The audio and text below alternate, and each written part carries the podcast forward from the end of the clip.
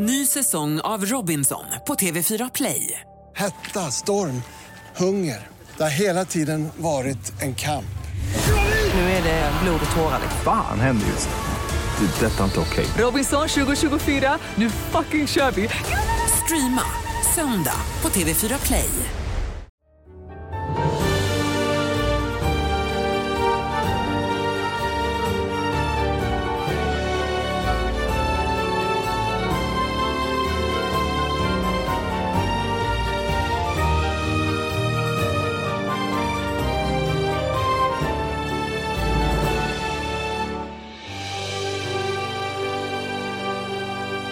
Hälsar vi hjärtligt välkomna till ett nytt avsnitt av Big Six. Det är torsdag och då brukar ju Viktor Enberg och Kalle Hultin sitta här tillsammans med andra supportrar från de olika Big Six-klubbarna. Men de är nere på Cypern och eh, bevakar det glödheta eh, januariläget som landslaget befinner sig på. Så då får det helt enkelt bli du och jag igen då Björn som kör ett torsdagsavsnitt. Ja, det känns ju väldigt kul. Eh, unnar de två herrarna också lite, lite sol och Ja. eh, att eh, eh, bevaka det här, eh, vad ska man kalla det, allsvenska super, eh, superlaget Ja, som precis. det väl är, mer än kanske det riktiga landslaget. Men vem vet? Det kan ju vara så att det blir Daniel Bäckström som står där som förbundskapten. Så att det är, nog inte helt dumt för de där sp- spelarna att eh, vara där och Nej. eh, prestera. Och om vi ska få en eh, Premier League-vinkel på den samlingen så är det väl ryktet då att Lukas Bergvall den superheta Djurgårdstalangen som har, eh, känns som att han har alla klubbar efter sig. Eh, men det senaste ryktet vi kunde läsa det var att West Ham ska ha lagt bud. Men det kan vi här från Big Six dementera va? Ja, precis. Eh, Vi har varit i kontakt med sportchef Bosse Andersson och frågat om det stämmer att det ligger ett eh, bud från West Ham och eh, det gör det inte. Nej, Ehm, inte ännu i alla fall. Inte ännu. Ehm, jag- Det är väl inte helt otänkbart att det brukar oftast vara så, ingen rök utan, utan eld. Att det, det kanske är så att det finns ett intresse. Men det ligger inget bud där. Ja, det vore ju kul sen. Eh, får vi se var han landar. Han har ju en lång eh, karriär framför sig. Men någon gång så vill man ju såklart se Lukas Bergvall i, i Premier League. Han har ju eh, fysiken eh, för det. Eh, som sagt, kanske inte ännu då. Han, han eh, har eh, några år av seniorfotboll framför sig innan han är redo tror jag för den, för den största scenen. Men, men en dag kanske vi får se honom i Premier League. Ja, det, det hade ju varit eh, väldigt kul att se honom eh, i, i den bästa ligan någon gång framöver. Eh, och vi, eh, nu börjar vi nästan bli lite, lite bortskämda med svenskar som gör det bra i Premier League. Så att vi, vi, vi ser ju att de här, den nya generationen fotbollsspelare, svenska fotbollsspelare, eh, klarar av att hävda sig på, eh, på Premier League-nivå. Mm. Yes, dagens avsnitt då. Vi kommer ju att gå igenom de matcher som har spelats med fokus då på, på ligacupen. Eh, och sen så tar vi eh, vad som händer i nyhetsväg och det blir mycket silly season. Nu börjar det hända saker i klubbarna och framförallt Spurs har ju varit eh, redo tidigt här och, och agerat. Eh, och sen så eh, efter eh, n- vi har gått igenom nyhetsflödet så ska vi ha en övning du och jag. Ja. Eh, där vi ska ta ut eh, höstens lag då. Vi är ju halvvägs i Premier League. Men vi kommer göra det på ett lite annorlunda sätt. Eh, än, än vad de mer klassiska eh, höstens lag, hur de brukar se ut då. Men mer eh, till det mot slutet av avsnittet då. När vi ska ta ut våra, våra byggen. Och vi får väl börja då med att vi konstaterar. Jag tänker inte gå in särskilt djupt i den här matchen. Men Manchester United ställde ett bra lag på banan när man åkte och mötte League One-laget Wigan. Och eh, man löste en, en 2-0-seger och det var väl det minsta man kunde begära ändå att United tog sig vidare i FA-cupen. Ja, man skapar ju tillräckligt för att kanske vinna med, med ännu mer eh, i den matchen. Men det, det var väl, eh, det är såklart eh, skönt för dem att det, det är en match som de, de ska vinna. Eh, och eh, att ta sig vidare därifrån var ju det var ju givet på något sätt. Eh, Men eh, Maino fortsätter ju vara bra på, på mittfältet för Manchester United. Det är positivt. Ehm, eh, Höjlund och Rashford fortsätter att ha det svårt eh, att få in bollen. Så att, men de är inte ensamma om det just nu vad gäller storlagen och, enskilda spelare. Men, eh, eh, men skönt för, för United att, att ta sig vidare till, eh, till, eh, till nästa runda. Jag konstaterar också att i mål stod eh, Onana. Just det. Och det kommer han även att göra som jag förstår det på söndag. Han ska ju iväg till Afcon. Men han vill vara lojal mot sin arbetsgivare och vara med så mycket som möjligt. Det ska tydligen vara väldigt nära in på Kameruns första match här då. Men eh, han vill eh, ställa upp. Frågan om det är bra eller dåligt för United. Nej, exakt. kan du inte bara dra? Nej, precis. Det är kanske är bättre för dem. Om, Ja. om Speciell uppladdning för de här eh, eh, afrikanska länderna. N- när det är mitt i säsong. Att eh, många av de här, deras nyckelspelare eh, kommer så sent in på, på landslags... Alltså innan själva turneringen börjar. Eh, till skillnad från mästerskap som, som VM och, och EM som går på sommaren. Att där får ju ändå landslagen tre veckor minst. Ja. Brukar det vara. Nej, och det får de väl lite skylla sig själva kan jag tycka. När de, Ja. när de lägger det så här som de gör i, i januari. Det är väl för varmt att, spela Ja, men någon annan precis. tidpunkt på året. Men, men eh, det blir eh, korta förberedelser. Men de är ju vana vid det. Det blir intressant att se då eh, för Uniteds del. Eh, vem som kliver in i kassen här. De har ju lite olika alternativ. Det är ju eh, Bayindir eh, som ju turken. Mm. Altay Bayindir. Eller då eh, om det blir eh, gamla klassiska Tom Heaton. Tom då, Heaton, ja, precis. som ställer sig i kassen. Och här finns ju faktiskt möjlighet för den som kliver in att om, om eh, personen i fråga gör det bra så ska nog Onana inte känna sig alltför säker att platsen är ledig när han kommer tillbaka då från Afcon då. Men United vidare och viktig match till helgen då mot Spurs. Mer om den lite senare. Men lite mer fokus på ligacupen. Det hade i alla fall jag eh, den här veckan och eh, vi har ju eh, det, det som är lite kul med ligacupen är ju att vi kan få en, en, eh, en toppfinal verkligen mellan, mellan eh, två storklubbar, två Big Six-klubbar. Eller så får vi ett, eh, eh, verkligen ett, ett skrällag vilket ju har sin charm också. Och, och det laget som har väl bäst möjligheter att kunna lösa det här det är ju faktiskt eh, Michael Carricks eh, Middlesbrough. Som alltså går och slår Chelsea på hemmaplan med 1-0 på eh, Riverside Stadium. Och Alltså, kolla expected goals här så är det ju Chelsea som har, eh, de kommer väl upp i eh, 2.46 då.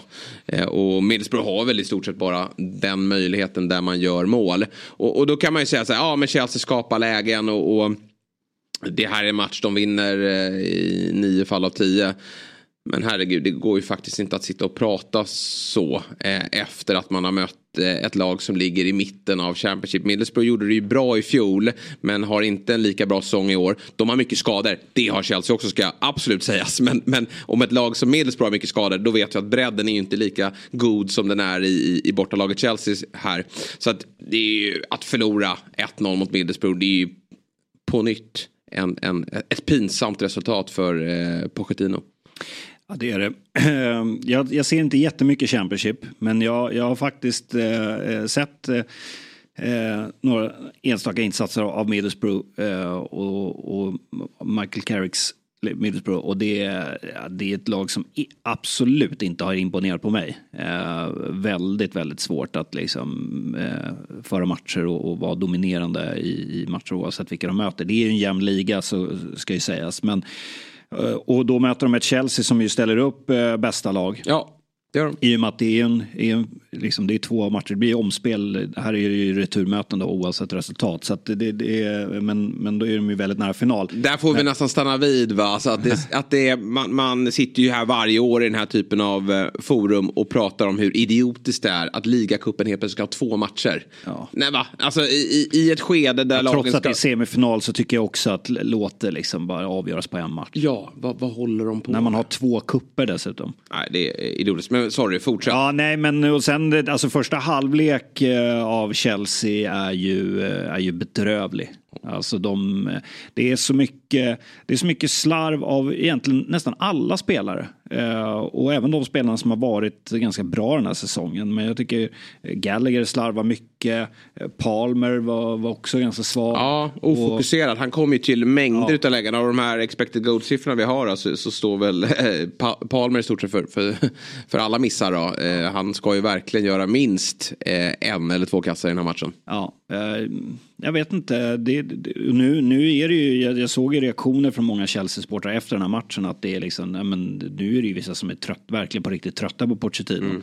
Eh, och, eh, och ägarna eh, såklart. Men för jag tycker att eh, de, de hänger liksom inte ihop spelarna i hur de vill spela. Det är, det är liksom stressade bollar som de skickar till varandra och det är som att spelarna inte är beredda på dem. Och de får en spelare i ryggen och viker ner sig i duellspelet. Och, nej, det, det var långt ifrån en, en bra insats. Eh, nu väntar ju ändå ett returmöte på, på Stamford Bridge här. Ja, eh, vi tror att de löser det. Men samtidigt de har de ju haft ett helvete mot lag som står lågt. Det vet ju Carrick ja. om. Att Chelsea har väldigt många matcher där de mött från bottenlag från Premier League och där de har förlorat matcher. Så det är det har gått ett halvår nu och att Pochettino inte har löst den typen av problem. Nej. Jag förstår att det är ett första år där det fortfarande handlar mycket om att sätta ihop det här laget och eh, bygga en identitet och att man kan gå på några plumpar. Men de börjar bli för många nu. Mm. Och eh, ja, man behöver en, en, en nia, en, en anfallare i den här matchen så är det väl Palmer som någonstans ändå hittar in i den. Jag visste inte vem som skulle starta som nia men det kändes som att Palmer var någon form av falsk nia. Och han kommer till lägen men, men bränner dem. Han, han trivs väl inte riktigt i den rollen utan Broja eh, hoppade ju in men, men de spelar ju eh, flera matcher på kort tid här nu och jag sa ju det i måndagsavsnittet att skönt för Chelsea att de de vinner mot eh, eh, Luton i ligan och tar sig vidare i mm. FA-cupen med en, ja, en, en stabil 4-0-seger mot Preston. Kan de bara få ett bra resultat här mot Middlesbrough och vinna med 1-2-0 eh, och sen åka, eller åka hem till Stamford Bridge och slå Fulham. Ja, men då kan man ju gå på, på ledighet med en rätt skön känsla. Men istället då så kommer den här torsken och, och äh, återigen, de löser säkert det här. Men, men det var inte vad Pochettino behövde. När han dessutom ställer bästa lag på banan. Ja, och en del ursäktande argument för Chelsea är ju att de har ett ganska ungt lag. Men då ska man veta att Middlesbrough eh, har ju också ett ganska ungt lag. Ja. Det är inte, det är inte ett, eh, liksom ett gammalt rutinerat Championship-lag utan de har mycket liksom eh, 20-åringar eh, på, på banan där och 20-25-åringar på banan. Så att, eh, eh, och det finns ju ändå eh, rutinerade spelare i Chelsea som, som Sterling och Silva och, och, och sådär. Så att, ja, nej, det, det man kan inte hela hopp. tiden bara sitta och peka på att det ska komma in spelare heller. Alltså, alltså, absolut att man kan sitta och säga då som vi gör med Arsenal att ah, men där skulle man behöva in en nia. I, i, eh, i Liverpool eh, en sexa även om ändå har gjort det väldigt bra nu. Men för de här lagen innan de kan börja hålla på och sitta och peka på enskilda positioner. Försök att få ihop någon, någon form av grundspel. För det tycker jag eh, saknas metoder för att ta sig igenom den här typen av försvar. Eh, så det, det, går inte bara att vända sig till sin, sin ägare Bowley och säga att nu vi, vi behöver in nya spelare. Utan man har värvat för, för hisnande summor. Eh, man kan förvänta sig betydligt mer än, än, det vi har sett. De, de sladdar i ligan. De är i en ligacupsemifinal visserligen.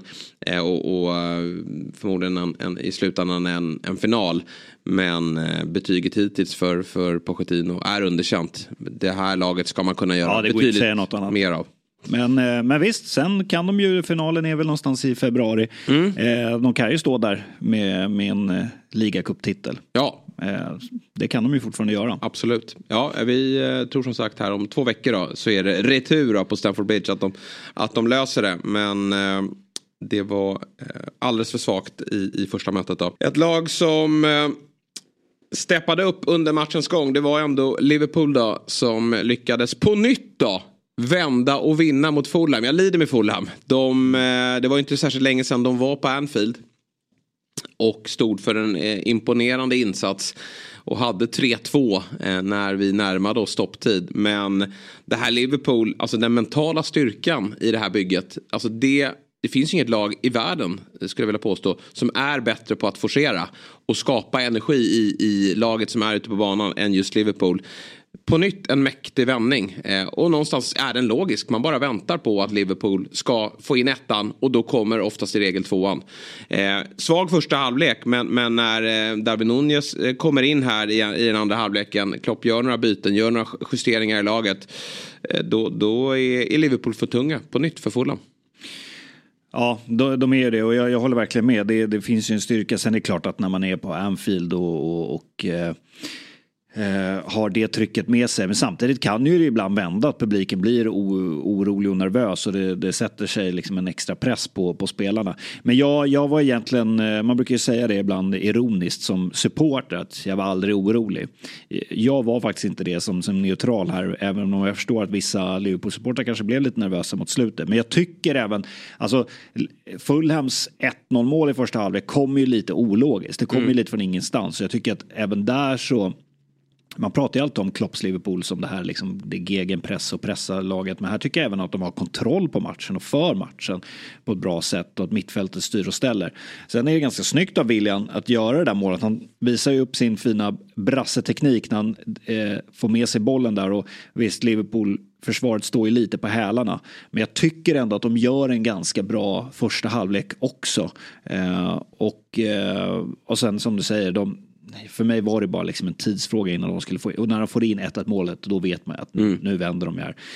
Um, och jag tycker liksom Curtis Jones är väl kanske planens, Vilken säsong han gör. Ja, planens bästa spelare. Men jag var, jag var extra in på det. Jag kikade lite, kollade lite extra på, på unge Bradley som ja. fick ta Trents position. Mm. Och visst, eh, han tappar väl kanske William lite där på, på målet. Men i övrigt på den högerbacksplatsen, jag tycker han påminner väldigt mycket om Trent. Mm. Alltså, han fyller ju på offensivt, eh, bidrar ju med, med inlägg och jag tycker att han är, han är snabb och han är brytningssäker. Eh, bra i duellspelet. Väldigt imponerande. Det blir intressant att se vad som händer med honom. Nu är ju Trent skadad. Men det kan ju vara så att Trent kanske inte missar så många matcher och jag ser framför mig att Trent kommer, det är mycket som talar för att Trent spelar i Liverpool hela sin karriär. Absolut. Eh, och då kan jag se bara för framtiden för den här Bradley att Ja, för jag tycker han visar att han håller för Premier League. Ja. Men eh, han har ju eh, en av världens bästa, i alla fall offensivt bästa högerbackar framför sig. Kan ju få så att eh, man flyttar upp Trent och sätter mm. honom på en annan position. Och då öppnar det sig för Bradley. Men det blir intressant att se vad som händer med, med den här unga killen. För att eh, han är ju som sagt han är ju tillräckligt bra för att kunna, kunna starta i, i Premier League. Ja, jag är också imponerad av honom. Eh, 20 år gammal alltså från Nordirland. Han har varit i Liverpool sedan eh, 2019 då. Mm. Och har ju liksom fått skolas in och gå bakom Trent och inte fått eh, mängder av eh, chanser. Han var utlånad också eh, till eh, eh, Bolton i League One här. Eh, men han eh, imponerar igår och, och, det är som sagt, eh, jag tror inte han ställer det kravet ännu. Men, men eh, framåt nästa år eller året därpå så kan han ju nog prata med eh, ledningen och säga så här. Kommer Trent fortsätta att vara den här högerbacken som, som visserligen blir inventerad och följer med upp även centralt i banan.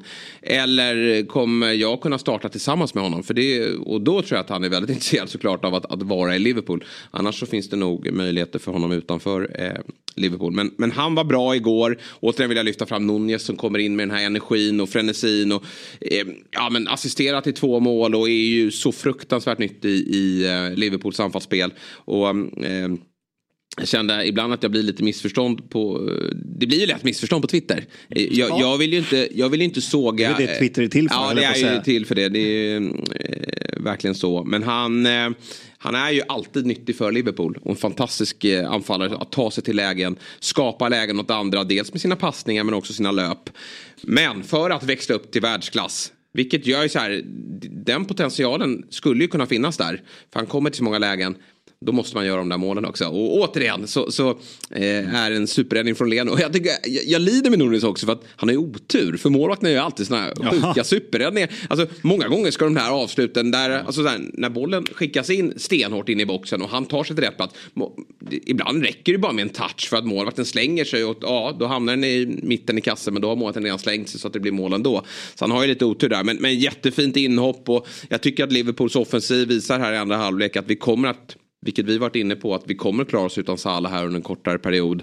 För eh, det, det, det vimlar ju verkligen av matchvinnare. Igår kliver Curtis Jones in och står för målet och det, det, finns andra gubbar på mittfält och i anfallet som kan kliva fram här. Så att, eh, viktig seger för det är ändå som så att hade man åkt till Craven Cottage med ja, men ett kryss, alltså 1-1 eller rent av en förlust. Då hade det här varit jobbigt och jag är övertygad om att Klopp verkligen vill spela en, en, en final här i slutet på februari. Så att, eh... ja, och Darwin Nunes, det ska man ändå inte alltså, just när vi är inne på assist, alltså han har ändå gjort 10 assist om man räknar med alla tävlingar Ja. den här säsongen.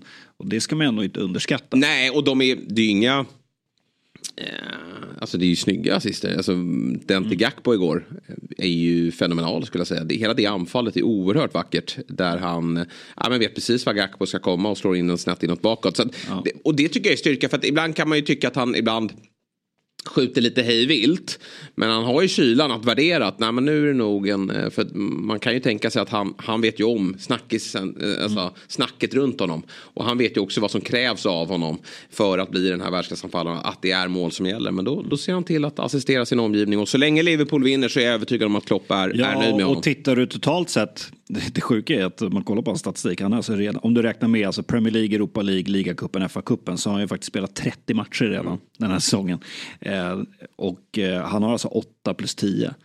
Så 18 poäng på 30 matcher, det är ju ändå ganska bra. Absolut. Eh, bra jobbat. Då har han inte startat alla matcher, långt Nej. från alla matcher. Men Så han är ju en bra inhoppare också. Ja, måste men man säga. Alltså, så här, jag säger inte att han ska vara någon supersub för att han, han är bra från start också. Men oj vad han kan förändra en, en matchbild och, och, skapa energi och jobba för ett motståndarlag då, som känner att vi, ja, okej, vi har en 1-0-ledning här men nu börjar trycket komma. Vi vet hur starka de är och så skickar de in den där bästen också. Det blir inte jättelätt för Mm. Fulham. Men sen, och det, det går inte att komma ifrån att han är ju eh, Mr Målsumpare den här Ja, säsongen i Premier League. Men det blir ju lätt att man går till det hå- hånfulla och, och slaktar Nunez och så pratar de som att han är helt oduglig. Och det är han ju inte. Absolut Utan han är ju väldigt nyttig i spelet. Ja. Men det är just det här när du är Ja, anfallare. Han är, parodiskt. han är ju där för att göra mål. Absolut. Och, Eh, men återigen, Fulham, eh, tungt ändå. Det är ingen snack om att Liverpool till slut vinner rättvist. Men, men vid tillfället 1-0 då kommer de ju på en omställning. Där Bobby Mm. Reed har eh, en snett, en cutback, en snett inåt bak, en snett inåt pass. Ja, ska sägas. Så att alla förstår vad jag pratar om. Eh, till Pereira. Mm. Och att han går på avslut där, det är så fruktansvärt dåligt. För att, eh, slår han bara den där eh, bollen in så vet jag, eller är jag övertygad om att att Pereira gör 2-0. Och då, eh, ja, då är det ett annat läge inför returen. Men eh, två matcher som lever i alla fall då. Det är om två veckor tror jag som det ska spelas fotboll igen. Nu har Liverpool en ehm, eh, välförtjänt vila här då. Får de väl eh, åka iväg och ladda batterierna här på varsitt håll. Och sen så är det match nästa söndag då mot Bournemouth. Vi eh, lämnar matcherna som har spelats.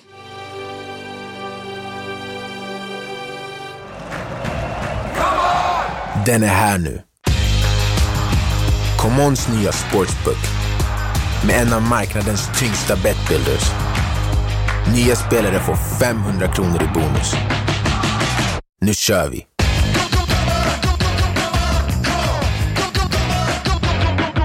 –18 plus. Regler och villkor gäller. Ny säsong av Robinson på TV4 Play. Hetta, storm, hunger. Det har hela tiden varit en kamp. Nu är det blod och tårar. Fan händer just nu. Det. Detta är inte okej. Robinson 2024, nu fucking kör vi! Streama söndag på TV4 Play. Ett poddtips från Podplay. I fallen jag aldrig glömmer djupdyker Hasse Aro i arbetet bakom några av Sveriges mest uppseendeväckande brottsutredningar. Går vi in med hemlig telefonavlyssning och, och då upplever vi att vi får en total förändring av hans beteende. Vad är det som händer nu? Vem är det som läcker? Och så säger han att jag är kriminell, jag har varit kriminell i hela mitt liv men att mörda ett barn, där går min gräns. Nya säsongen av Fallen jag aldrig glömmer på Podplay.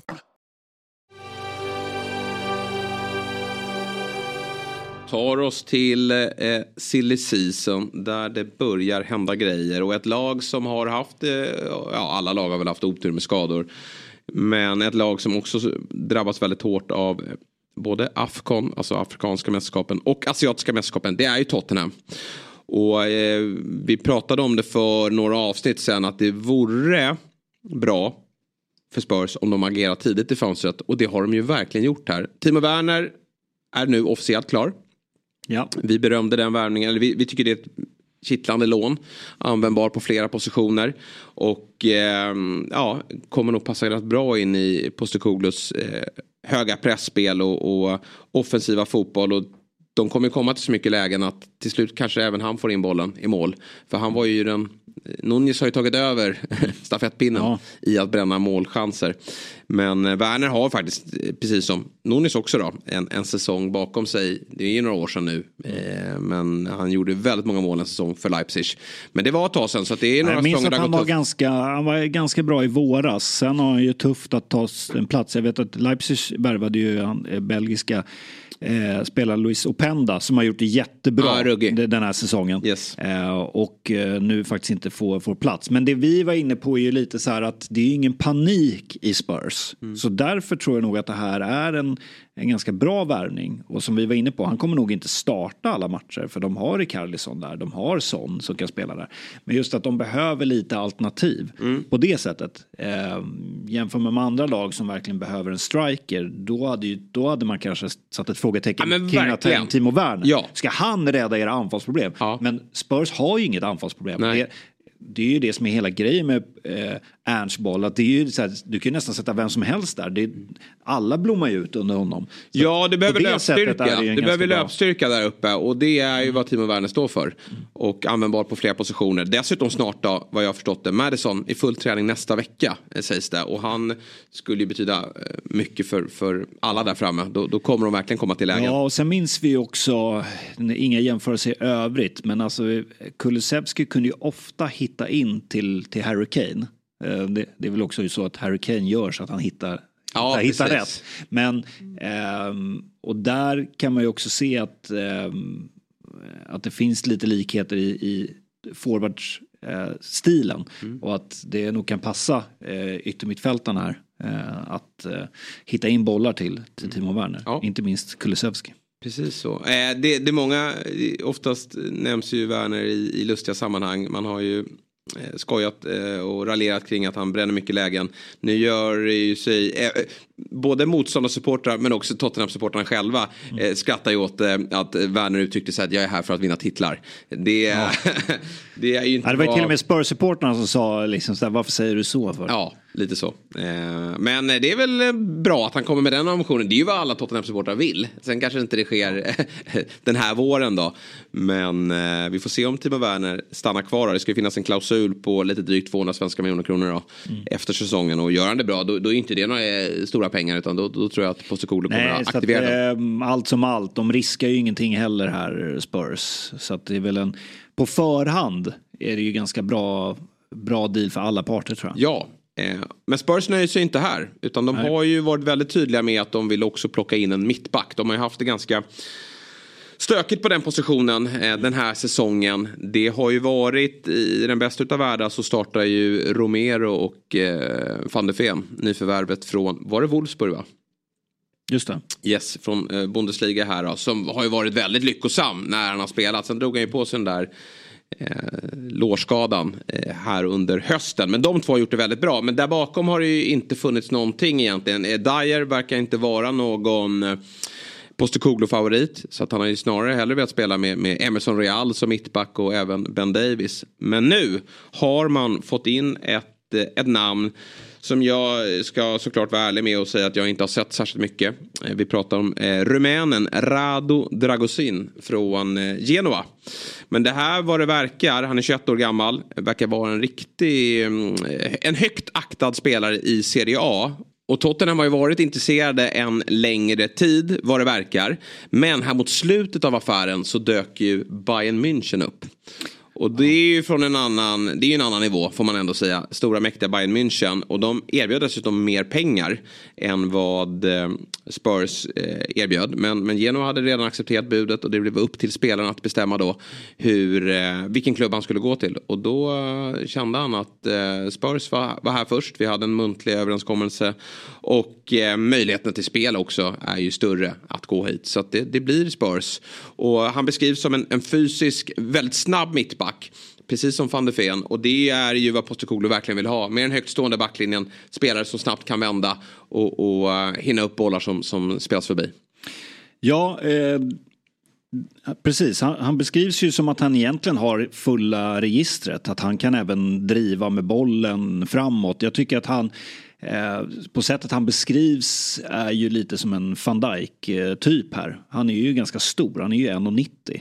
Eh, och eh, som du säger, han är ju, har varit väldigt hypad i i Genoa. Gick ju tidigt till, som, han är fortfarande ung, men han gick som väldigt ung till Juventus. Ehm, och sen nu senaste tiden varit, varit i, i, i Genoa. Så att eh, det här är ju en spelare som eh, jag tror kommer passa perfekt. I, lite prestigevärvning blir det verkligen. Ja, men jag vet att agenten sa ju själv att han var förvånad ja. att eh, eh, Dragos eller Dragosin var, mm. att han valde Spurs och inte Bayern München. För det är väldigt tydligt att Bayern München är ju på, på stor jakt efter, kanske inte bara en utan flera mittbackar att fylla på med här. Och att inte gå till Bayern München som ju varje säsong har chans att gå för, för trippen. Mm. Uh, och uh, men där, vi, var ju lite inne, vi var lite inne på det i, i måndags att uh, Postekoglu är ju också en, en tränare som på så här kort tid kan locka till sig spelare. Mm. Tror jag. Uh, så ja, det är en, en USP som, som Spurs sitter på nu. Och såklart, ingen kan ju blunda för, för framgångarna som har varit under, under hösten heller. Um, nej, det ska bli riktigt spännande att se. Och vet du vad jag tror? Jag tror att han går rätt in på söndag mot United. Han ja. blir väl officiell idag, han har allting ska vara klart så det är bara prestationen ja. de väntar på. Och, och um, Ben Davis är ju skadad nu också. Och van de Ven är igång i full träning. Han kanske faktiskt är aktuell, inte från start då, men, men är en del av truppen. Men jag tror med tanke på var han kommer ifrån, han är i full form och, och, och är redo. Det ska bli jäkligt kul att se honom. Eh. Och um, värvningarna hittills då under Postekoglu har ju varit fullträffar. Så nu kommer två namn in här. Väldigt viktigt för dem eftersom de har skadeproblem och att de har många spelare iväg också. Ja, och en styrka som, som du säger att de också gör de här värvningarna väldigt tidigt yes. på det här korta fönstret. Mm. Alltså nu är vi inne på 11 januari och det håller på till 31 och de har redan satt de här två värvningarna. Så att det, de är ju väl i princip, eh, i princip klara. Mm. Ett lag som inte har eh, satt igång med att eh, skicka ut spelare och ta in spelare det är ju Manchester United. Vi vet att de har en, en ny ägare här som ska skjuta till lite kapital. Framförallt då i kanske infrastrukturen eh, runt Carrington och eh, Old Trafford. Men, men eh, det kommer nog ske lite sportsliga förändringar också i Manchester United. De har ju anmält sitt intresse för eh, Evertons centrala mittfältare Onana. Som har ju, får de ytterligare en Onana här då. Eh, och eh, han har gjort det bra nu i ett och ett halvt års tid i Everton. United är intresserade men det verkar som att Arsenal är närmast. De letar ju också tydligen efter en central mittfältare, vilket man kan någonstans förstå. Med tanke på att eh, Thomas Partey har haft sina skadeproblem och Declan Rice är ju allt, alltså, han, han, lyckas ju balansera upp det där mittfältet ändå. Men, men jag tror att han vill väl ha kanske en, lite mer av en åtta-roll då. Och så får man in en, en, en, tydligare sexa bredvid honom så att han kan blåsa på framåt. Eh, 50 miljoner pund sägs det eh, att han ska kosta och det är inga pengar i dagens fotboll. Nej, precis. Um, man har väl inte gått och väntat på att uh, vart Onana ska gå någonstans. Mm. När det ska, ska bli av. Och, um, Ja, men det är ju ganska tydligt att, eh, att Arsenal, det, det går inte längre med Thomas Partey. Det, det var ju väldigt märkligt för jag minns när han signade för, för Arsenal och så dök det upp liksom hans skadestryk. Han har nästan aldrig varit skadad i Atletico och sen bara har det varit massa, massa skador i, i, i Arsenal. Så att eh, här letar man efter en ersättare till honom och eh, eh ja, Onana eh, hade nog eh, platsat i de, i de flesta storklubbarna. Eh, så att eh, jag, eh, jag förstår att både United och, och Arsenal då är ute efter honom. Ja, en... Ja, men han är, det, är en, det, är en, det är en väldigt fysisk och bra mittfältare som, som ser till att hans omgivning kan gå framåt och så mm. ställer han upp på mittfältet. Men för den saken skulle jag också en, en, en, bra passningsspelare. Vilket man måste vara om man ska upp på, på den här nivån då. Så vi får se vem som eh, drar eh, det längsta strået här. Men, men eh, det är klart att om Arsenal och United rör av sig i dagsläget så, så väljer man nog Londonklubben. Och, och där finns ju verkligen en plats att kliva rätt in på då. Eh, United dock som idag då förmodligen kommer att gå ut med nyheten att eh, Jadon Sancho kommer att eh, lånas ut till sin gamla klubb Dortmund. Och vi, eh, det är ju bara ett lån. Det finns tydligen ingen klausul heller på, på att han ska köpas loss. Det tror jag är liksom för mycket pengar. United kräver nog för mycket. Men eh, och så att vi, vi kan liksom inte summera den eh, värvningen ännu. Men eh, är det två och ett halvt år han har varit där nu eller? Han kom, ja det är det. Han lämnade ju efter EM 21 då. Han kom ju före Ten Hag ju. Just det. Så han är två och ett halvt år är, är vi uppe i nu och hittills är det ju en av de sämsta värvningarna Ja. i Premier Leagues historia får man säga. Alltså vi är uppe, Ja, det kostade runt miljarden. Ja. Och han har ju på två och ett halvt år inte presterat ett skit. Nej, Och mår ju tyvärr också väldigt dåligt verkar det som. Ja, vi har ju fått höra väldigt lite om vad som sker bakom kulisserna. Vi, vi såg ju när ehm, det här när, när Sancho var utanför truppen och han själv gick ut på sociala medier och sa när Ten Hag förfrågade varför, då sa han att han inte hållit nivån på träningarna och Sancho gick ut och sa att det där stämmer inte. Och sen ska det ju, ja, så det är uppenbart. Det uppenbara är ju att det har varit eh, en beef mellan, mellan Ten Hag och Sancho. Och att Sancho då inte ska vilja be om ursäkt och han har knappt fått träna med, med A-laget eh, och sådär. Men exakt vad som har hänt och vad som sk- sker, det är ju ganska ovanligt ändå att det blir så här låst läge. Speciellt med en spelare som kostar miljarden och som har varit så hypad. Eh, och ehm, Ja, nej, det är, det är väldigt sorgligt allting. Jag ser mest fram emot att när, när Sancho kommer tillbaka till Tyskland och han gör sina intervjuer och får frågorna. Ja, vad, är, vad, är vad, vad är det som har hänt? Ja. Eh, sen han- tillhör han fortfarande. United, så att, precis, han tillhör Ja. fortfarande United så han får ju vara väldigt, väldigt försiktig. Mm. Ehm, men jag tror för Sanchos del, han sitter väl bara och väntar på att uh, Ten Hag ska lämna och sen få göra ett nytt försök i United till, till hösten. Ja. Sen är det inte säkert att det blir så, men det tror jag är vad, vad Sancho sitter och väntar på. Och han kommer till Dortmund som ju eh, behöver förstärkning. De, de går ju inte alls särskilt bra eh, den här säsongen. Eh, det, vi ska ju säga så att det fanns ju rapporter när han även var i Dortmund att det var lite attitydsproblem. Ja. Eh, och sen exakt vad, vad, hur stor sanning ligger i det och vad som ligger bakom det får vi väl eh, se. Förhoppningsvis får vi någon typ av svar på det någon gång. Men ja, det, det, det ligger många hundar begravna här känner jag. Ja, Så det är det väldigt svårt att navigera sig i exakt vad som har hänt. Mer än att man vet att tränaren och eh, Sancho inte, eh, inte bästa polare direkt. Jag, jag tycker väl att det här ändå är en ganska bra lösning för United och Jadon Sancho. Det som, alltså det är en ekonomiskt är det ju en dålig, alltså United står ju fortfarande för en del av lönen. Sancho går ju också ner i, i, i lön och det, återigen det finns inte den här klausulen heller. Men för Uniteds del handlar det väl om att försöka rädda den här investeringen. Och då är väl det bästa, om man ska låna ut honom någonstans, så är det ju ändå hem till Dortmund. Där han var så framgångsrik ändå. Och har, han vet liksom, han har presterat. Sen tror inte jag att han kommer kliva ut i den, den första matchen efter eh, återkomsten och, och leverera. Han behöver nog lite tid.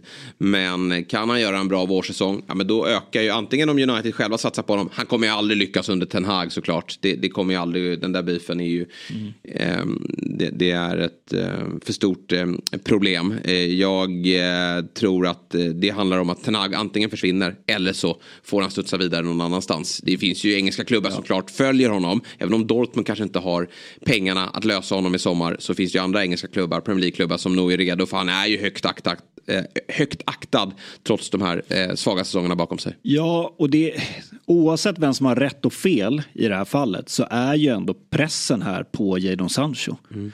För hans karriär. Han måste ju rädda den nu. För att säga att det Absolut. blir en dålig vår eller att han börjar sitta bänk eller att det uppstår nya problem eh, här. Vilken klubb vill ta i honom då?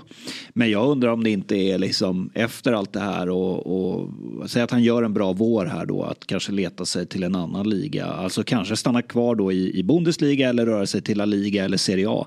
Och bara, eh, vi har ju sett en del brittiska spelare som, som gör, eh, börjar göra det nu. Förut såg vi väldigt sällan brittiska spelare dra till Serie A till exempel. Nu ser vi ändå en del som, som drar dit. Att kanske bara börja om och Däremot sitter han ju på en väldigt, väldigt hög Ja, lön. jag menar det. Det är där Och- är problematiken. Men samtidigt är han ju Ska han fortfarande rädda ung. karriären måste Ja. han ju kliva ner i lön. Det är det det kommer handla om i sommar.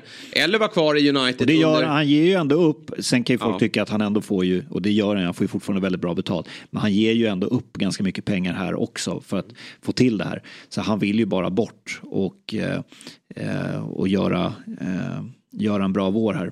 Så att eh, det ska också bli intressant att följa Ja. Jadon Sanchos vår i Dortmund. Och Dortmund fortsätter att plocka spelare från Premier League. Eh, den här gången är Chelseas vänsterback slash ytter, holländaren Ian Matsen, som eh, Dortmund köper i det här fallet. Och det är väl en, en betydligt lägre prislapp och lägre lön för dem att betala. Det här eh, förvånar mig lite med Matsen. Alltså det här är ju förmodligen ett jättebra steg för honom. Men att Chelsea inte har givit honom möjligheter. Jag, eh, Matsen, för de som inte har så bra koll på honom. Han var ju eh, utlånad i fjol. Från just Chelsea till Burnley. Han har ju haft många olika lånesessioner. Han kom ju från PSV 2018. Eh, och sen dess så har han varit i Charlton, han har varit i Coventry. Men senast här då, så var han ju i Burnley under deras framgångsrika fjolårssäsong. Där han var enligt Hjalmar Ekdal då, som jag pratat med, lagets absolut bästa spelare och en stor anledning till varför Chelsea, eller Burnley inte har, det är klart att man har gått upp en liga, men man hade ju större förväntningar på Burnley den här säsongen. Men eh, Matsen var helt otrolig eh, ute på vänsterkanten, dels i, i, i poängproduktion, han gjorde mål och assister, men också var en, en, en evighetsmaskin som, som gnuggade från kant till kant. Han gör en bra försäsong hos Chelsea, som ja, men framförallt spelar han ytter då. Burnley använder honom som vänsterback slash wingback. Han har ju verkligen offensiva egenskaper. Men har lungor också för att orka upp, eh, upp och ner. Men han har ju trots att Chelsea har haft en hel del problem just ute på den här kanten. Vi har ju sett att eh, Chilwell har ju åkt på skadeproblem. Vi har eh, Kuchereya som ingen riktigt tycker håller måttet och, och, nu spelar Colwill där trots att han kanske ska vara eh, mittback. Då. De har ju laborerat lite med olika lösningar ute till vänster. Gusto spelar där också nu. Mm. Eh, men, men är väl egentligen främst eh, tänkt som, som en högerback. Så att Pochettino har ju inte litat på honom. Han tycker inte han är tillräckligt bra. Men, men eh, det, det förvånar mig med tanke på de rapporter jag hör från att han var så otroligt bra i Burnley. Och ja, jag tycker inte att Chelsea har en säsong bakom sig där man har varit fantastiska som, som leder till att man inte kan nyttja den här resursen. Så konstigt att han inte fått chansen. Men nu går han till Dortmund och det blir säkert kanon. det blir det säkert. Ja men det är nog inte helt dumt. Eh, de har ju också, eh, det är ingen övergång som har skett nu då, men de har ju Felix Enmecha som ju är både tysk, nu har han ju valt Tyskland men, men han har ju dubbla pass. Han föddes ju i Tyskland och sen flyttade han, hans familj som ung till Manchester så var han ju i Manchester Citys akademi och spelade ju faktiskt för eh, Englands eh, u tror jag till och med. Mm. Men eh, nu, så han har ju dubbla pass, att, men han, eh, han har väl valt Tyskland nu som jag har förstått det. Eh, men så att eh, Dortmund eh, har väl satt igång någon liten tradition att locka ja. över engelska spelare. Ja, verkligen. Och det, sen är det inte helt lätt att få loss dem. Alltså, Nej. titta på Men Bellingham. det är en tacksam liga för, för, för britter att gå i. Den verkligen. är väldigt fartfylld. Eh, den är också ganska fysisk. Det påminner ju liksom lite om, eh, om Premier League på det sättet. Även om det är några hack ner kvalitetsmässigt. Eh, och vi, vi ser det finns ju väldigt många bra tränare i, i, i den tyska fotbollen såklart. Med, det är ju en stor fotbollsnation. Så ja, definitivt. Och lätt för spelarna att acklimatisera sig till, till eh, den tyska kulturen också. Ett lag som kanske måste kliva ut och värva det är ju eh, West Ham. De åkte på, det var en rejäl, eh, det var en kostsam match mot eh, Bristol City här i FA-cupen. Det får man säga. Dessutom blir det omspel vilket ju ställer ja. till det ytterligare. Ja. När man inte har några spelare. En riktig mardrömsmatch. Ja, vi vet att Kudos, han har ju dragit till Afrikanska mästerskapen. Jobbigt med tanke på hur bra han har varit här mot slutet av hösten. Verkligen tagit sin plats i den där elvan. Paketa har ju gått eh, småskadad en, en, längre tid. Nu eh, var det en rejäl, eh, nu tror jag det var muskelskada, han har problem med sitt knä. Men han missar ju upp till två månader. Mm. 68 veckor är rapporten på Paketa. Eh, jättejobbigt för West Ham. Tråkigt för hans del. Ja. Det fanns de här City-ryktena som verkade väl vara, det verkade väl som att det inte var så långt ifrån. Och så hade du de här, den här betting-strulet då, eh, att han ska spela på matcher. Den utredningen pågår ju. Mm. Ja, jag tänker vad det kunde ha varit. För Verkligen, nej, jobbig. men han spelar sin livsfotboll får man säga. Men, mm. men det är lite stökigt då med skador och, och annat skit. Eh, sen har vi den så otroligt viktiga Jared Bowen. Som ju blir nersparkad i slutet av den här matchen och sägs missa då två till tre veckor. Och nu, de, det är ju ganska få matcher men man ska spela det här omspelet. Sen ska man möta Sheffield United. Och det är ju få spelare här eh, som tillgängliga i, i offensiv väg. Och det är inte den bredaste truppen just där framme. Eh, jag bollade upp en, en eh, lösning här att man skulle gå för eh, Enketia i Arsenal. dels för att han behöver ju få mer förtroende. Det verkar inte som att Arteta litar allt för mycket på honom. Och Arsenal behöver dessutom få loss lite kulor här om man ska stärka truppen. Och Enketia hade ju varit alldeles klockren längst fram eh, i det här laget. Och då skulle man ju, Bowen har ju spelat nia men kanske är som bäst som, som offensiv anfallare. Ja, det är ju inte höger. konstigt att tro att Enketia kanske är sugen på att röra på sig nu. Eh, någon annanstans. Och, eh, Ja, men det, jag fick verkligen ändå så vara kvar i Premier League. eh, Ja, att han startade matchen mot Liverpool på bänken och att de hellre Mm. spelade av Havertz som dels används på mittfält men också då används som nia när, när Gabi Jesus är out. Sen är det ju som så, Jesus är out några veckor nu då, och man inte tar in en anfallare då är man nog inte jättesugen på att släppa Eddie. Men eh, ja, jag tror att West Ham hade varit bra steg. Det är nog fler Premier League-klubbar som följer eh, Enketias eh, närmsta veckor här om det går att lösa. Verkligen. Eh, Newcastle eh, kommer väl kanske agera här i januari också. Lite som i Spurs. De skulle egentligen behöva agera tidigt då med tanke på att skadelistan fortsatt är lång även om många börjar komma tillbaka.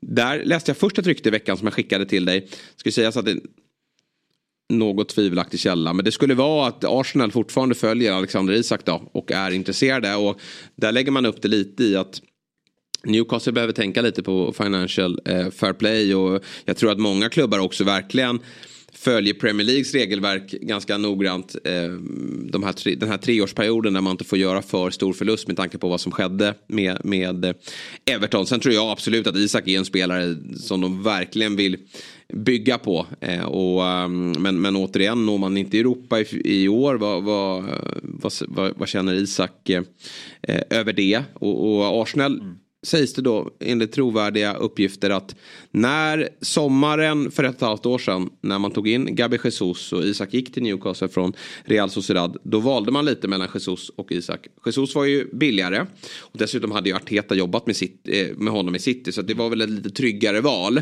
och man visste inte om Isak skulle färga på den här nivån. Men man i efterhand nog känner kanske att Isak är, jag tror han skulle passa väldigt bra i, i Artetas sätt att spela. Men det här blir ju ingen billig lösning och jag, jag tror väl inte jättemycket på de här uppgifterna om jag ska vara helt ärlig. Men så dök det upp uppgifter igår om att Newcastle skulle vara på jakt efter Solanke. Ja. Eh, vad tror du om det? Ja, som det är just nu med att de har Callum Wilson och Alexander Isak så låter det som att det helt plötsligt blivit ganska tjockt där på den här anfallspositionen. Sen kan ju Isak användas på lite olika positioner och sådär. Men eh, ja, det låter ju lite märkligt som läget är just nu. Men det kan ju vara att eh, en sån som Isak eh, rör på sig. Ja. Eh, I sådana fall. Ja, Men jag tror inte det sker i januari, men kanske efter säsongen då. Ja. Att det, det händer mycket- mycket grejer. Och det bli. finns spanska klubbar som följer honom också. Ja. Det handlar som sagt väldigt mycket om hur, hur mycket han spelar här nu i vår. Om kroppen håller, och, men fortsätter han leverera de här målen som han har gjort nu mot slutet. Då, Ja. då blir han nog väldigt intressant. ja, jag, tror komma att, jag tror att han kan välja att vraka i Ja, sommar. Det tror jag också. Eh, och, och, och de måste nog kunna erbjuda eh, en Champions League-plats kanske för honom. Han är på den nivån. Och Newcastle som kanske behöver få loss pengar. Vi ska komma ihåg att Newcastle gjorde två riktigt sorgliga investeringar. So far. Eh, Det har bara gått ett halvår. Men, men man värvade Tonali. Och, och den, eh, ja, det har ju, där kan alla historien då. Avstängd ett år. Eh, Hittills ett, ett enormt fiasko såklart. Och Harvey Barnes från Leicester. Som jag tyckte lät som en, en, en bra värvning. Verkligen. Men där har det varit mycket skador då. Ja, ända sedan Tonali-avstängningen blev, blev verklig så har det ju varit eh, uppgifter om att Calvin Phillips eh, ska in till Newcastle. Vi får väl se, vad, nu har det inte rapporterats jättemycket om det den senaste tiden. Vi får se om han eh, plockas in då av, eh, av Newcastle. Men eh, de har ju också Financial Fair Play att förhålla sig Ja, till och har ju mm. spenderat mycket pengar Yes. på Tonali, på Alexander Isak till exempel och, och sådär. Så att eh, ja, eh, vi får se vad, vad som händer. Men det är ju Tino Livramento eh, plockade man ju in Ja, också för exakt. en, det- han var inte billig. Ingen Nej. spelare, i synnerhet när du värvar en engelsman från en nu var det ju Southampton som ligger i Championship men Ja. det blir alltid dyrt. Mm. Så det finns eh, regelverk att förhålla sig till och det är väl eh, bra det. Det var väl allt för silly season tänkte jag. Det, jag. Jag tänker vi kan eh, återkomma, eller det kommer vi göra i varje Mm. Det är alltid risken när man, när man poddar om silly season är ju att när man liksom har avslutat så kan ju det ha kommit en handfull nya rykten som kanske är ännu mer intressanta och, och vissa skrivs av och allt vad det är. Men då fångar vi upp dem på måndag. Det gör vi. Helt enkelt. Nu har vi kommit till att vi ska ta ut eh, årets Mm. lag då. Vi är ju eh, halvvägs in i säsongen. Och som jag eh, sa i början på säsongen, jag, jag tycker många av lagen Alltså det är många som har börjat med den här övningen, eh, Twitterkonton och andra poddar och forum och tar ut årets lag. Och eh, jag har inga synpunkter på de lagen, de ser nästan alla likadana ut. Eh, ska jag säga. Det, det skiljer sig på några enstaka positioner, vilket gör det lite, lite tråkigt. Och det blir ju nästan bara de, de största spelarna som är med. Så jag tänkte att vi- du och jag, vi ska ta ut vårt lag live här. Vi ska göra Ja. det som en övning som så att eh, man får ha max med en spelare från ett lag. Så att om du tar Alisson som målvakt här nu då, då kan du inte plocka Salah och van Dijk. Då har du tagit din Liverpool-gubbe. Ja. Och dessutom så ska vi göra som så att vi, vi går efter 4-3-3. Och du, eller jag, får vi komma överens om här alldeles strax, får välja, börja med målvakt. Eh, och sen då, eh, om du väljer målvakt först, då får jag välja högerback först. Och sen får du välja mittback, den första mittbacken först och så vidare. Eh, så att här eh, gäller det att vara lite taktisk. Eh, och, och eh, jag har bestämt mig för några spelare som jag verkligen vill få in här. Men jag eh, inser ju risken här att det kan, eh, att det kan vara som så att man blir av med sin gubbe. Ja, det, man får vara lite taktisk här. Ja, vem vill börja? Ja, det, det här är, det gäller att och, som sagt eh, fundera lite. ja. Men jag kan börja då. bränna. Om ja, inte du kör, nog kör, har några kör du. synpunkter på det då. Så börjar jag med målvakt och eh, då gör jag faktiskt som så att jag Off, eller jag, jag känner att jag vill bli av med lagen där nere. Eh, och jag tycker en målvakt som imponerade igår. Eh, och som är högt upp på många listor. Eh, och det här är så här om man kollar på saves. Du vet vem som leder, som har stått för flest antal räddningar? Mm. Eh, kan det vara Trafford eller? Nej? Ja, en tvåa. Men Tvåa. det är Fodringham. Ja. Alltså Sheffield Uniteds målvakt. Så det, Ja. det, det talar väl kanske mer för att man har ett svagt försvar. Men jag väljer faktiskt Bernt Leno, eh, Fulhams målvakt. Som Ja, jag tycker är en... eh, Ja men det där har ju blivit bra. Det är ju sjukt vad Arsenal har haft mycket bra målvakt senaste tiden egentligen. Nu har de Mm. två väldigt bra. Sen har de ju haft Martinez och, och, och, och Leno. Eh, valde de att inte eh, tro på, men det hade de nog kunnat göra. Men, men eh, jag tycker han har gjort det riktigt bra i, i Fulham. Ställs ju på prov, har inte den stabilaste backlinjen bakom sig. Men eh, Fulham gör, tycker jag, som helhet en, en bra säsong. Och, och en stor anledning till det är, är Bernt Leno faktiskt. Så att, eh, ställer honom i kassan. Så har jag liksom bockat av Fulham. Ja, mm, som sagt, då, det blir ju lite sådär att målvaktspositionen då, då vill man kanske inte bränna sitt av de här stora lagen och eh, en, en, eh, en målvakt som jag ändå tycker gjort det bra i ett lag som inte har gått särskilt starkt eh, och där jag inte är så intresserad av att hitta eh, spelare från andra positioner så väljer jag faktiskt eh, Nick Pope eh, Ja. i Newcastle. Ehm, som ju eh, är där strax bakom eh, eh, Pickford eh, i, i landslaget. Eh, är ju där och nosar i, i truppen och som jag ändå tyckt har, har gjort det bra eh, den här säsongen. Eh, är, är pålitlig. Eh, och det har ju faktiskt varit ett Newcastle Förra säsongen jättestarka bakåt, den här säsongen inte alls starka men jag tycker han ändå har varit, eh, varit stabil. Mm, jag håller med. Han ju, kom väl från Burnley för ett och ett halvt år sedan va? Och, ja, exakt. Har gjort det Han var ju väldigt bra förra säsongen men jag tycker även han har varit bra den här, den här hösten. Mm. Nej men eh, den skriver jag under på. Annars så kanske för vad man har sett då. Höstens lag har ju många tagit Alisson. Vilket jag eh, definitivt köper. Och, men även Vicario vill jag hålla högt Ja, här. verkligen. Som, eh, det är väl de två Vilken bästa. värvning det var. Ja det har varit, ruggigt, varit. ruggigt bra. Jaha, då får du välja högerback då. Mm. Eh, det här är ju lite knivigt alltså. Mm, det är det. Eh, faktiskt. Men eh, jag tror faktiskt att jag gör så att jag bränner min eh, Liverpool-gubbe här. Ta Och- Bradley. ja, exakt. Bradley. Nej, det får ändå bli Trent. Ja. Ehm, sen är det ju, ja, eh, det är ju nästan så att eh, man nästan kan sätta honom på en annan position också. Ja, det så är det. Men, eh, eh, nej, han är högerback på pappret. Eh, och vi vet alla om hans brister, jada jada. Men eh, herregud, han är ju, han är ju verkligen... Han är tillbaka. Han är tillbaka och det är så kul att se. Och det, det, det finns väl ingen, liksom ingen högerback i världen som matchar hans eh, offensiv. Och, och eh, ehm, nej. ehm, Borde gjort fler poäng känner jag. Alltså, Ja, det- Ribban har ju varit i vägen. Alltså, Ja. Han är ju, fyller på och gör det bra. Och, Ja. men, men haft lite otur nästan. Men, men han är eh, verkligen på gång. Och Mm. Liverpool går mot ett intressant... Eh, ja, men det är, känslan är, Liverpool var ju svaga i fjol. och, och då var Trent svag. De, de är ju beroende av honom. Ja men det är det som är intressant. En högerback som är en så stor del av ett lag och hur, hur både offensivt och defensivt hur de ska funka.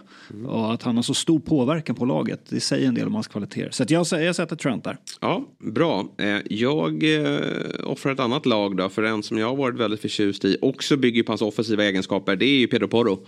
Som jag Ja. tycker gör en eh, ruskig säsong i Spurs. Eh, fick ju en ganska tuff start när han kom för lite drygt ett år sedan. Och man kände att ah, nu har de misslyckats igen då med en högerback som, som eh, inte bidrar tillräckligt i offensiv väg men, men läcker bakåt. Men nu börjar han ju dåna på offensivt. Vilken klassspelare det är ändå. Sen går ju också att argumentera för, är han verkligen högerback? Men ja, på pappret så startar han där ute till höger.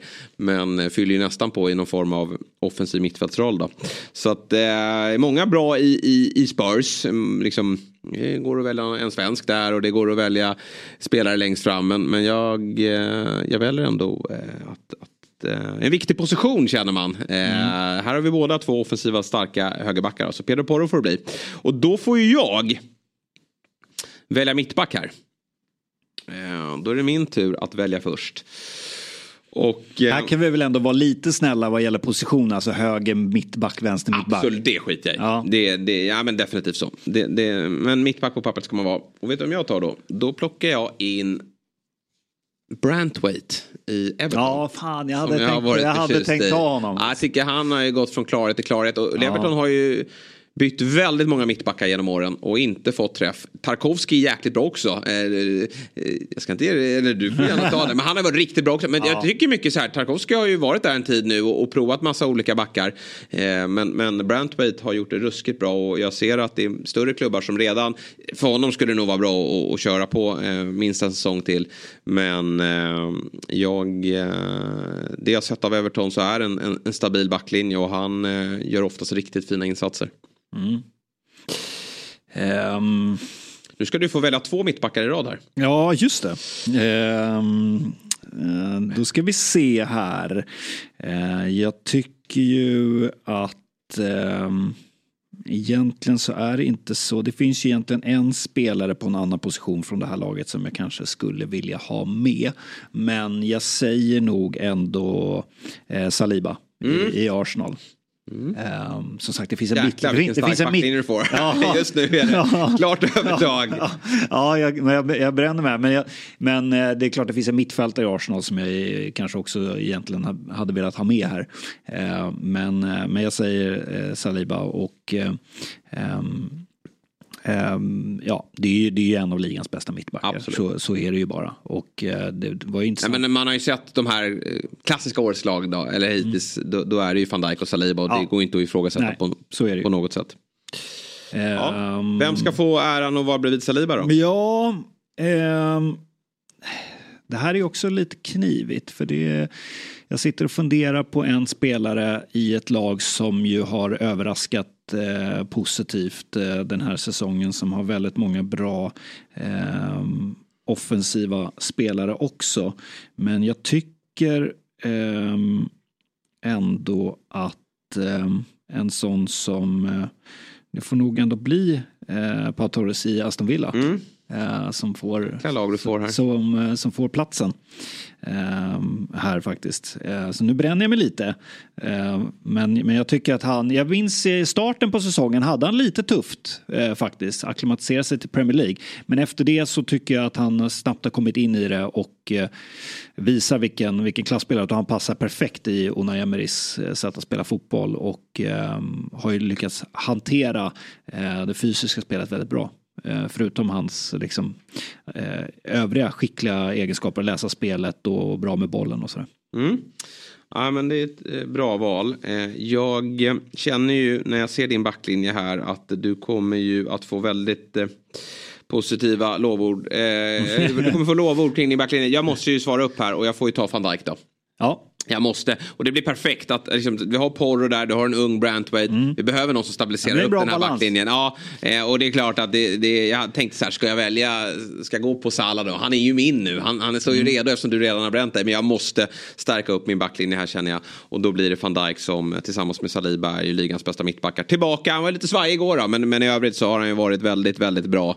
Och eh, han får eh, verkligen inte gå sönder. Det är kul att han är tillbaka efter den där hemska skadan åkte på från Pickford eh, för, för några säsonger sedan. Då trodde man kanske att det, det, det, kan ta slut här, att han inte hittar tillbaka. För att han följde upp det med att vara lite tveksam kanske. Men, men i år är han ruskigt, ruskigt bra. Så att van Dijk får hitta in där. Och på vänsterbacken, håll i dig. Här kommer Crystal Palace bidrag. Mitchell. Ja. Som, ja, jag tycker han är, han, han börjar ta för sig även i offensiv väg. Förut var det lite som att det var Palace bara stängde butiken och, och han inte fick så mycket direktiv och, och det hände inte så mycket framåt. Men, men han börjar blåsa på på den där vänsterbacksplatsen och gjort den till sin. Och eh, ja, han är helt klart duglig för den här, eh, för den här platsen och en av Crystal Palace bästa spelare. Vi har en trippel att presentera tillsammans med ComeOn som precis lanserat en ny sportsbook med riktigt grymma odds. Och jag har hittat något riktigt fint i helgen. Jag vet att Chelsea vinner. De studsar tillbaka efter cupfiaskot. Aston Villa slår Everton. Evertons dåliga form kommer hålla i sig. Och över 9,5 hörnor tror jag att det blir i Newcastle, Manchester City. Så där har ni en trippel ni bör rygga. Trippeln är rejält boostad av Common och den finns att rygga på common.com under fliken experterna. Kom ihåg att du som spelar måste vara minst 18 år, spela ansvarsfullt och har du eller någon i din närhet problem så finns stödlinjen.se. Tack till Common som är med och möjliggör Big Six. Ett poddtips från Podplay. I fallen jag aldrig glömmer djupdyker Hasse Aro i arbetet bakom några av Sveriges mest uppseendeväckande brottsutredningar. Går vi in med hemlig telefonavlyssning och, och då upplever vi att vi får en total förändring av hans beteende. Vad är det som händer nu? Vem är det som läcker? Och så säger han att jag är kriminell, jag har varit kriminell i hela mitt liv men att mörda ett barn, där går min gräns. Nya säsongen av Fallen jag aldrig glömmer på Podplay. Den här är ju, alltså den här vänsterbackspositionen tycker jag är svår. Jag tycker Ja. inte det generellt sett är jättemånga vänsterbackar som har eh, eh, övertygat. Eh, och eh, jag, jag kommer inte säga den här spelaren, men eh, Udogi Mm. Ja, är, är, är ju en eh, spelare. Men jag är lite, jag vill nog med risken för att du kanske väljer några av de offensiva spelarna i spåret före mig då. Mm. Eh, så tror jag faktiskt att jag, jag gör lite som, som du gjorde på, på målvaktspositionen. Eh, så väljer jag en amerikan i Fulham, Ja. eh, Robinson. Ja, På vänsterbacksplatsen. Som jag faktiskt tycker, nu blir det kanske lite konstigt där. Vi hittat två Fulham-spelare i Ja. säsongens lag. Så jäkla bra har de inte Nej. varit. Men, och visst, eh, de har haft lite knepigt eh, eh, defensivt i, i många stunder. Men, men eh, en, jag, jag måste säga att jag gillar honom jättemycket. Ja. Men det är ju Robinson. lite problematik i nästan alla lag. Vi kollar på um, City, de har ju Nathan Ake där främst. Man trodde väl Ja. kanske att Guardiol skulle ut där. Men, Guardiola men har inte varit så lyckad. Han har inte varit så lyckad. Ake gör det väl bra men, men det är, han är liksom inte briljant. Och Robertson har inte spelat. Nej. Eh, vi har ju, um, Ruger har redan nämnt. I Arsenal har ju också bytt lite grann med Sinchenko och, och T- Ja. eh, Tomiyasu. Ja, Chelsea har ju ständiga problem på den där vänsterbacksplatsen. Och eh, i övriga lag, eh, ja men eh, han har ju varit rätt bra i, i West Ham tycker jag. Eh, Emerson Palmieri eh, har ju stått för bra insatser. Men, men där kanske jag vill ta in någon annan därifrån.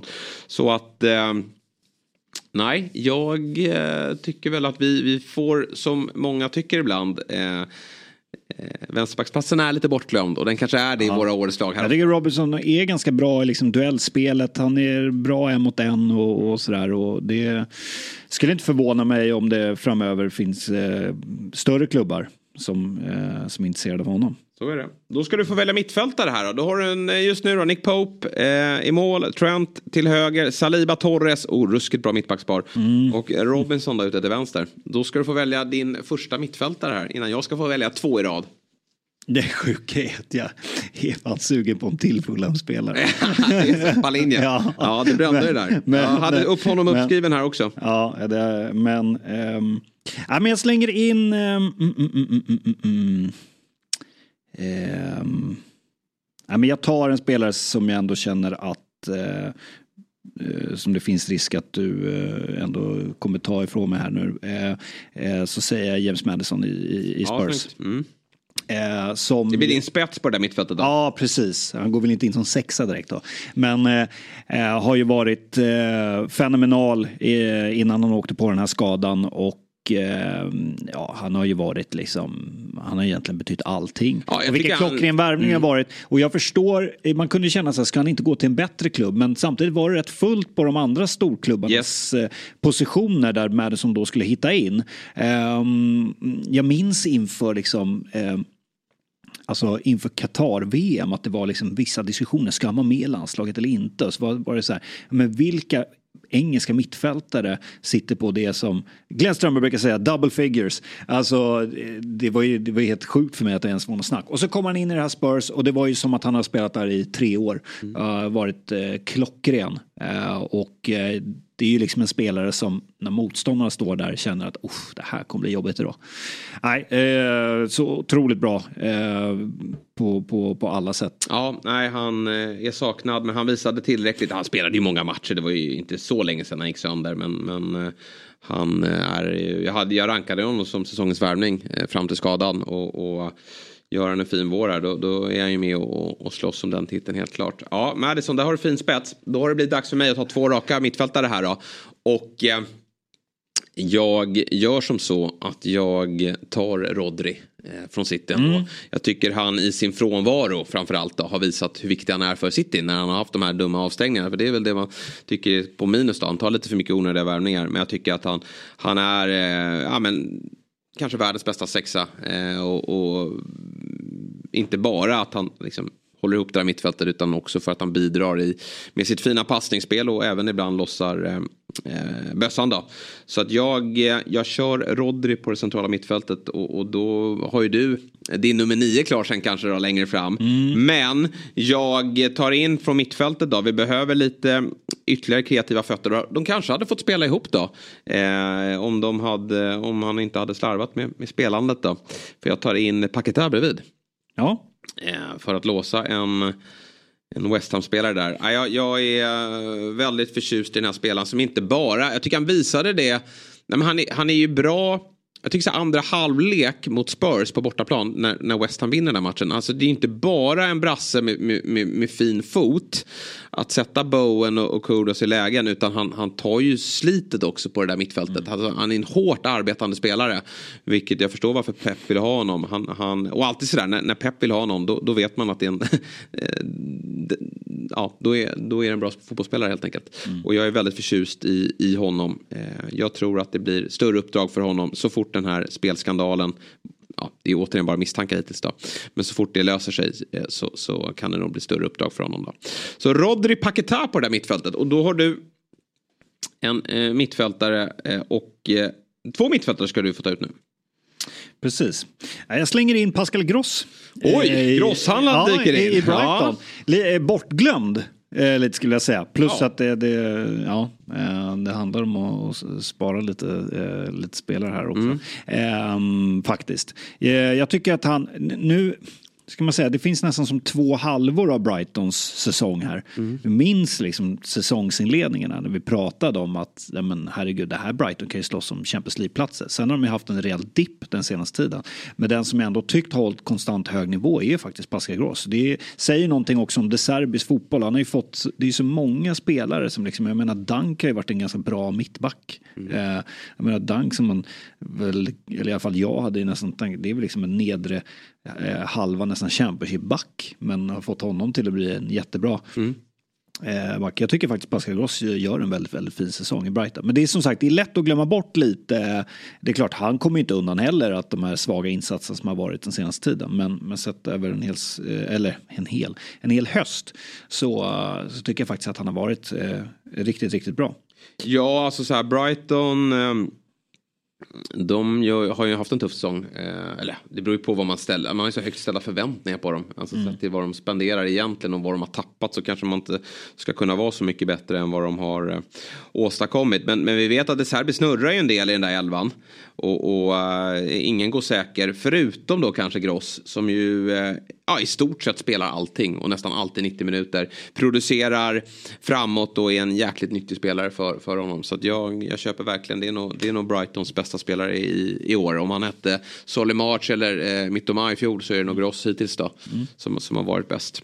Och så ska du få ta in ytterligare en gubbe då. Ja, vi kör väl någon slags 4-3-3. Ja. Så det, det blir ju lite vanskligt man pratar offensiva spelare och, och lite, mm, alltså, eh, vissa spelare kan ju spela som blir som någon slags yttermittfältare, ytterforward.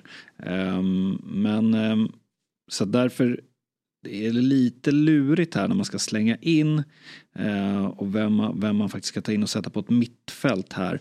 Men jag tycker ändå faktiskt att en spelare som, även om det mest har varit den senaste tiden, så slänger nog ändå in Cole Palmer faktiskt. Ja, du gör det. Mm. Ja, ehm, Det är ett offensivt balanserat mittfält. ja, det får man väl ändå säga. Ja, men mycket det är bra, det är bra, mycket boll. det är en bra backlinje. Ja, det är det verkligen. Eh, men, eh, men jag tycker faktiskt att han har visat Precis, vilken, det mm. vilken, vilken klassspelare han är. Eh, och han kände väl eh, uppenbarligen att i, i City så är det ändå lite för trångt. Men det var ju ändå spelare som var och knackade på startelvan i, i City. Och eh, ehm, det, det är väl det kanske enda positiva av Chelseas säsong.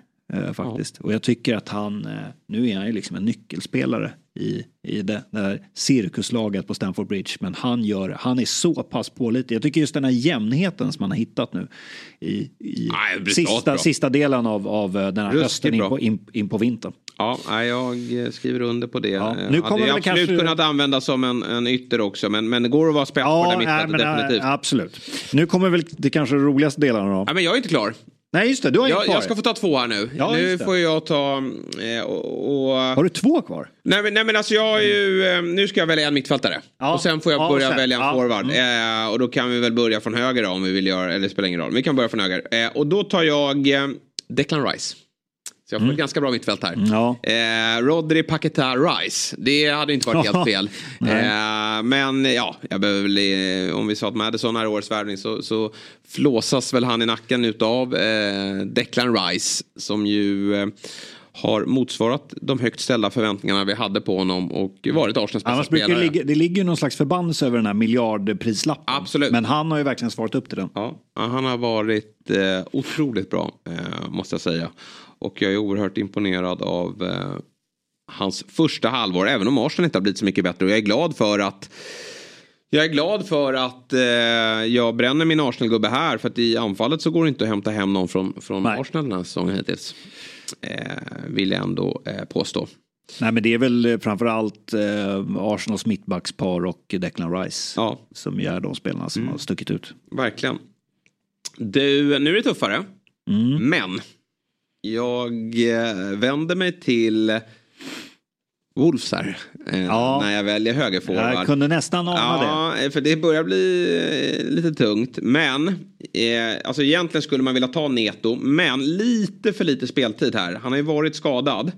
Och eh, ja, han används väl... Jo, men jag skulle ändå säga att Hichan ändå används ute på en kant. Men kan även vara centrerad.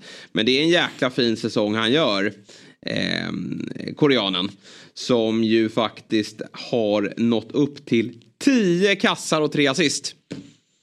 Det är starka papper. Eh, och han har ju varit... Alltså, Ja, jag trodde faktiskt att du skulle ta Neto först. Ja, men jag, då, då kan du ta honom. Ja, eh, det är det fina för dig. Men eh, jag, jag, tycker ändå att gör du tio kassar och att Neto har varit skadad här på slutet. Ja, men då, då måste han få synas i det här laget. Jag gillar också hur, hur hårt han arbetar. Eh, vilket väl liksom, ja, han är ju Son eh, från, eh, vad säger man? Son från eh, eh, Wish va? Ja, exakt. Uttrycka sig.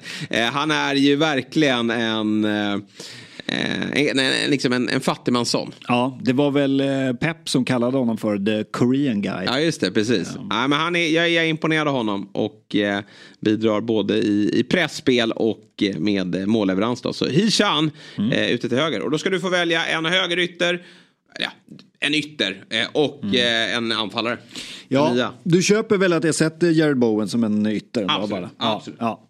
Eh, han kan ju spela på många positioner. Jajamän. Det här jag menar lite med så här mittfältare, yttermittfältare. Det är ju lite sådär, man kan ju dribbla lite vilka positioner. Men herregud vilken, vilken säsong han gör. Jag tycker ändå man såg glimtar förra säsongen även om West Ham hade det ganska tufft. Men nu, alltså det, det är flera gånger man ser också vilken Alltså vilken touch han har. Han kan ju få de här, som vi vet att West Ham gärna skickar, lite längre bollar. Och han kan ta ner dem liksom på foten så att det bara stannar. Så det är nästan som, det är väldigt obrittiskt. Alltså det, är, det är nästan som liksom argentinsk eh, teknik ibland. Och sen har han ju varit inne i sånt eh, målstim också och varit en stor anledning till varför West Ham har lyft eh, så här mycket den här säsongen. Ehm, Alltså, nej, jag, jag såg inte riktigt den här hösten komma Nej, för, för ruskigt Bowen. Eh, Alltså vilken, vilken, eh, definitivt en av höstens absolut stora utropstecken den här, den här säsongen. Eh, Nia. Nia, tråkigaste valet, mest självklara Ja, valet. mm.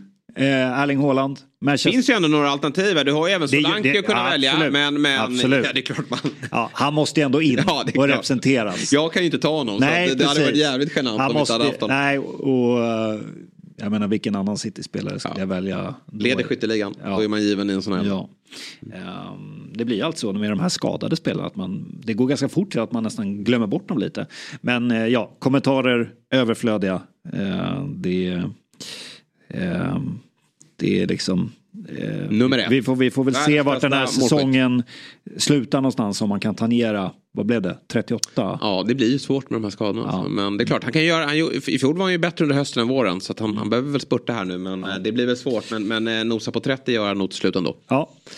Bra val får jag säga. Då, då är det min tur att välja eh, de två sista då. Innan Mm. Ja. du får ta din ytter. Och jag har ju faktiskt möjligheten att ta Solanke. Men jag har också möjligheten att ta Ollie Watkins. Eftersom jag inte tagit någon från Aston Villa. Och Mm. Ja, det får jag, väl är- ändå jag bli är det. ruskigt svag för Ollie Watkins. Ja, jag är det. Alltså han är ändå på en... Eh, som Solanke kan ju nå dit. Men, men eh, Watkins är en eh, nivå upp. Ja, det är väl Salah som leder poängligan. Men strax bakom så är det väl ändå... Mm. Jag hade kunnat ta Isak också. Men jag, Ja. jag, jag, jag har inte tagit någon från Newcastle ännu. Men jag kommer ta en ute till vänster. Mhm. Men, men eh, Ollie Watkins, fantastiskt bra. Eh, som framspelare, river upp sår och som avslutare. Något blekare här mot slutet. Men, men eh, övertygad om att han kommer kliva in mot en, en riktigt bra säsong. Och i allra högsta grad med i diskussionen kring vem som ska ta den där platsen bakom Harry Kane i sommarens Europamästerskap i Tyskland. Och sen avslutar vi med Gordon. Anthony Gordon, såklart ute till eh, vänster där han eh, trivs allra bäst.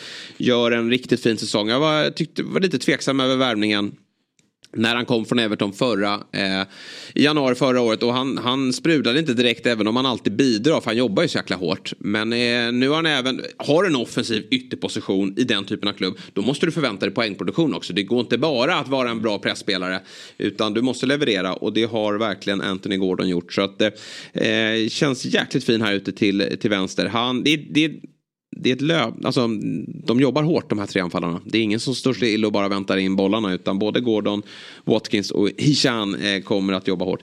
Det är sjukt att vi in, ingen av oss har med Salah i årets lag men jag tror folk förstår varför då, att vi har tagit Trent och van Dijk här. Och det hade varit segt om båda vi hade bränt, ja det går ju i att ta någon annan Liverpool-offensiv. Man skulle kunna argumentera för faktiskt en Nunez som nia då också, Mm. även om man eh, ibland blir helt galen på honom. Mm. Nej, precis. Eh, Jag tror att hade vi tagit ut höstens lag så hade det varit ganska likt. Det är klart, det kanske Ja. inte hade varit elva Nej, likadana. men, eh, alltså i- åtta, nio gubbar är ju eh, detsamma. Ehm, Då ska du få ta en vänsterytter innan vi är klara. Ja, och jag är faktiskt, det kittlar lite eh, att, eh, eh, att faktiskt få in en svensk här. Ja. Och eh, Ja. det här är Jag har skrivit alltså, upp honom. Ja, det här är faktiskt en, om man tittar på assistligan Mm. så är det alltså bara eh, Sala, eh, Ollie Watkins, Pedro Neto och eh, Trippier som har fler assist. Eh, och det är Anthony Lange. Ja. Som står alltså på eh, tvåsiffrigt vad gäller poäng totalt då, 4 plus 6 eh, den här säsongen. Eh, och det är ett lag också som har ändå haft det ganska tufft. Och jag tycker han har imponerat från, eh, från start. Verkligen. Eh, och, och, och blivit eh, en nyckelspelare i detta Nottingham. Som dessutom då som vi varit inne på bytt tränare och han fortsätter leverera. Eh, jag tycker att han visar att han, han kanske inte är Alltså missförstå mig rätt här, United bra. Nu är inte United bra, men United ska ju ändå vara på nivå att de ska ha de allra största spelarna. Ehm, men jag tycker att Nottingham är kanske lite för liten klubb, lite för liten scen för Anthony Elanga. Ett hack upp till liksom Europaplats jagande Premier League-klubbar. Där tycker jag att han hör hemma. Och han gör en eh, jättestark eh, höst här. Ja, nej, jättefin och, och sett till förväntningar också. Och eh, spelet vi ändå spelar här nu så, så tycker jag definitivt Men det är klart en plats. Pedro Neto som kanske är lite mer till höger och egentligen men skulle kunna få plats här också. Ja, nej, men bra att vi får in en svensk. Alltså Kulusevski skulle man faktiskt kunna välja in här också. Eh, om, om man inte hade bränt Son såklart. Mm. Om man beror på hur- vad man ställer honom. Men, men får man ha Bowen på en kant så tycker jag definitivt att man hade kunnat ha Son på en kant. Så det, det finns möjligheter eh, för dem också. Vi har ju missat flera spelare det får ni vara inne och påpeka. eh, Då. Men jag tycker ändå att de här lagen blev ganska bra. Och då får Mm. väl lyssnarna då gå in och, och rösta sen då på, på Twitter. Ja, jag vill gärna höra, hur kunde ni inte välja den här spelaren? Ja. Det var ju bara öppet att ta honom. Precis, det, vi har ju garanterat missat någon. Eh, Men, men eh, vi kan dra ditt då. Nick Pope i mål, Trent högerback, Saliba, Torres, Robinson till vänster, Madison, Gross, Palmer. Sen har du Bowen, Hall, Bowen Haaland, Elanga eh, där uppe på topp. Jag kör Leno i kassen, sen har jag Porro, Brantwaite, van Dijk, Mitchell till vänster, Rodri, Paquetá, Rice och sen har vi Hishan, Watkins och Gordon uppe på topp. Alltså, du Jag, har känner, ju- jag känner väl att så här, Pascal Gross och Robinson Ja, det är gränsfall om de är inne på höstens lagar. Men det handlar ju också om Ja, lite taktik. För du kan, verkligen. jag menar, eh, det är inte, hur många lag är det som har verkligen imponerat på en Nej. den här säsongen? Nej. Alltså det är väl, vi är väl uppe, det är väl sex lag kanske. Liksom. Så det, det blir ju, någonstans får man ju plocka de här eh, blåbären också. Kul övning tycker jag. Ja, faktiskt. Får man diskussioner kring spelarna Ja. också. Och vi får väl göra det här sen när säsongen är klar. Får vi se vilka som, som eh, om det har tillkommit några och vilka som har försvunnit. Och då är det också kul att påminna om vilka vi hade valt. Ja, hur fan precis. kunde du ha honom? Ja. Eh. Ja. Ja men roligt. Eh, bra Björn. Eh, då känner jag att vi klarar, vi hinner liksom inte snacka upp helgens matcher. Men det är, för de pratar, och det, vad ska vi säga? Alltså det är Spurs, eh, eh, vet du, United Spurs på, på söndag blir ju väldigt eh, intressant. United behöver ju verkligen en trepoängare där. Och eh, Spurs då som har fått två nyförvärv. Får se om någon av dem går in i elvan då. Ja. I Werner eller Dragusin. Och sen har vi eh, på lördag också Newcastle City. Så det är två riktigt fina matcher den här ja, det är det. Börjar ju på fredag med ett riktigt ruskigt bottenmöte där, Burnley-Luton. Ja, det är en mardröm. Sex poängs match och allt vad det där blir väl 0-0 då bara för det. Hjalmar som för övrigt är i full träning här Ja, nu då. Eh, kul att höra. Han kan nog vara med i truppen. Men eh, det verkar, inte från start då, men, men kanske i start i nästa match i Premier League. Eh, City Mm. borta. Den vill man ju nästan inte spela. Nej, mardröm. Fullständig mardröm. Ja. Men bra Björn, eh, tack för idag. Eh, Tack själv. Och tack till alla er som har lyssnat. Vi är tillbaka eh, på måndag igen som sig bör. Trevlig helg.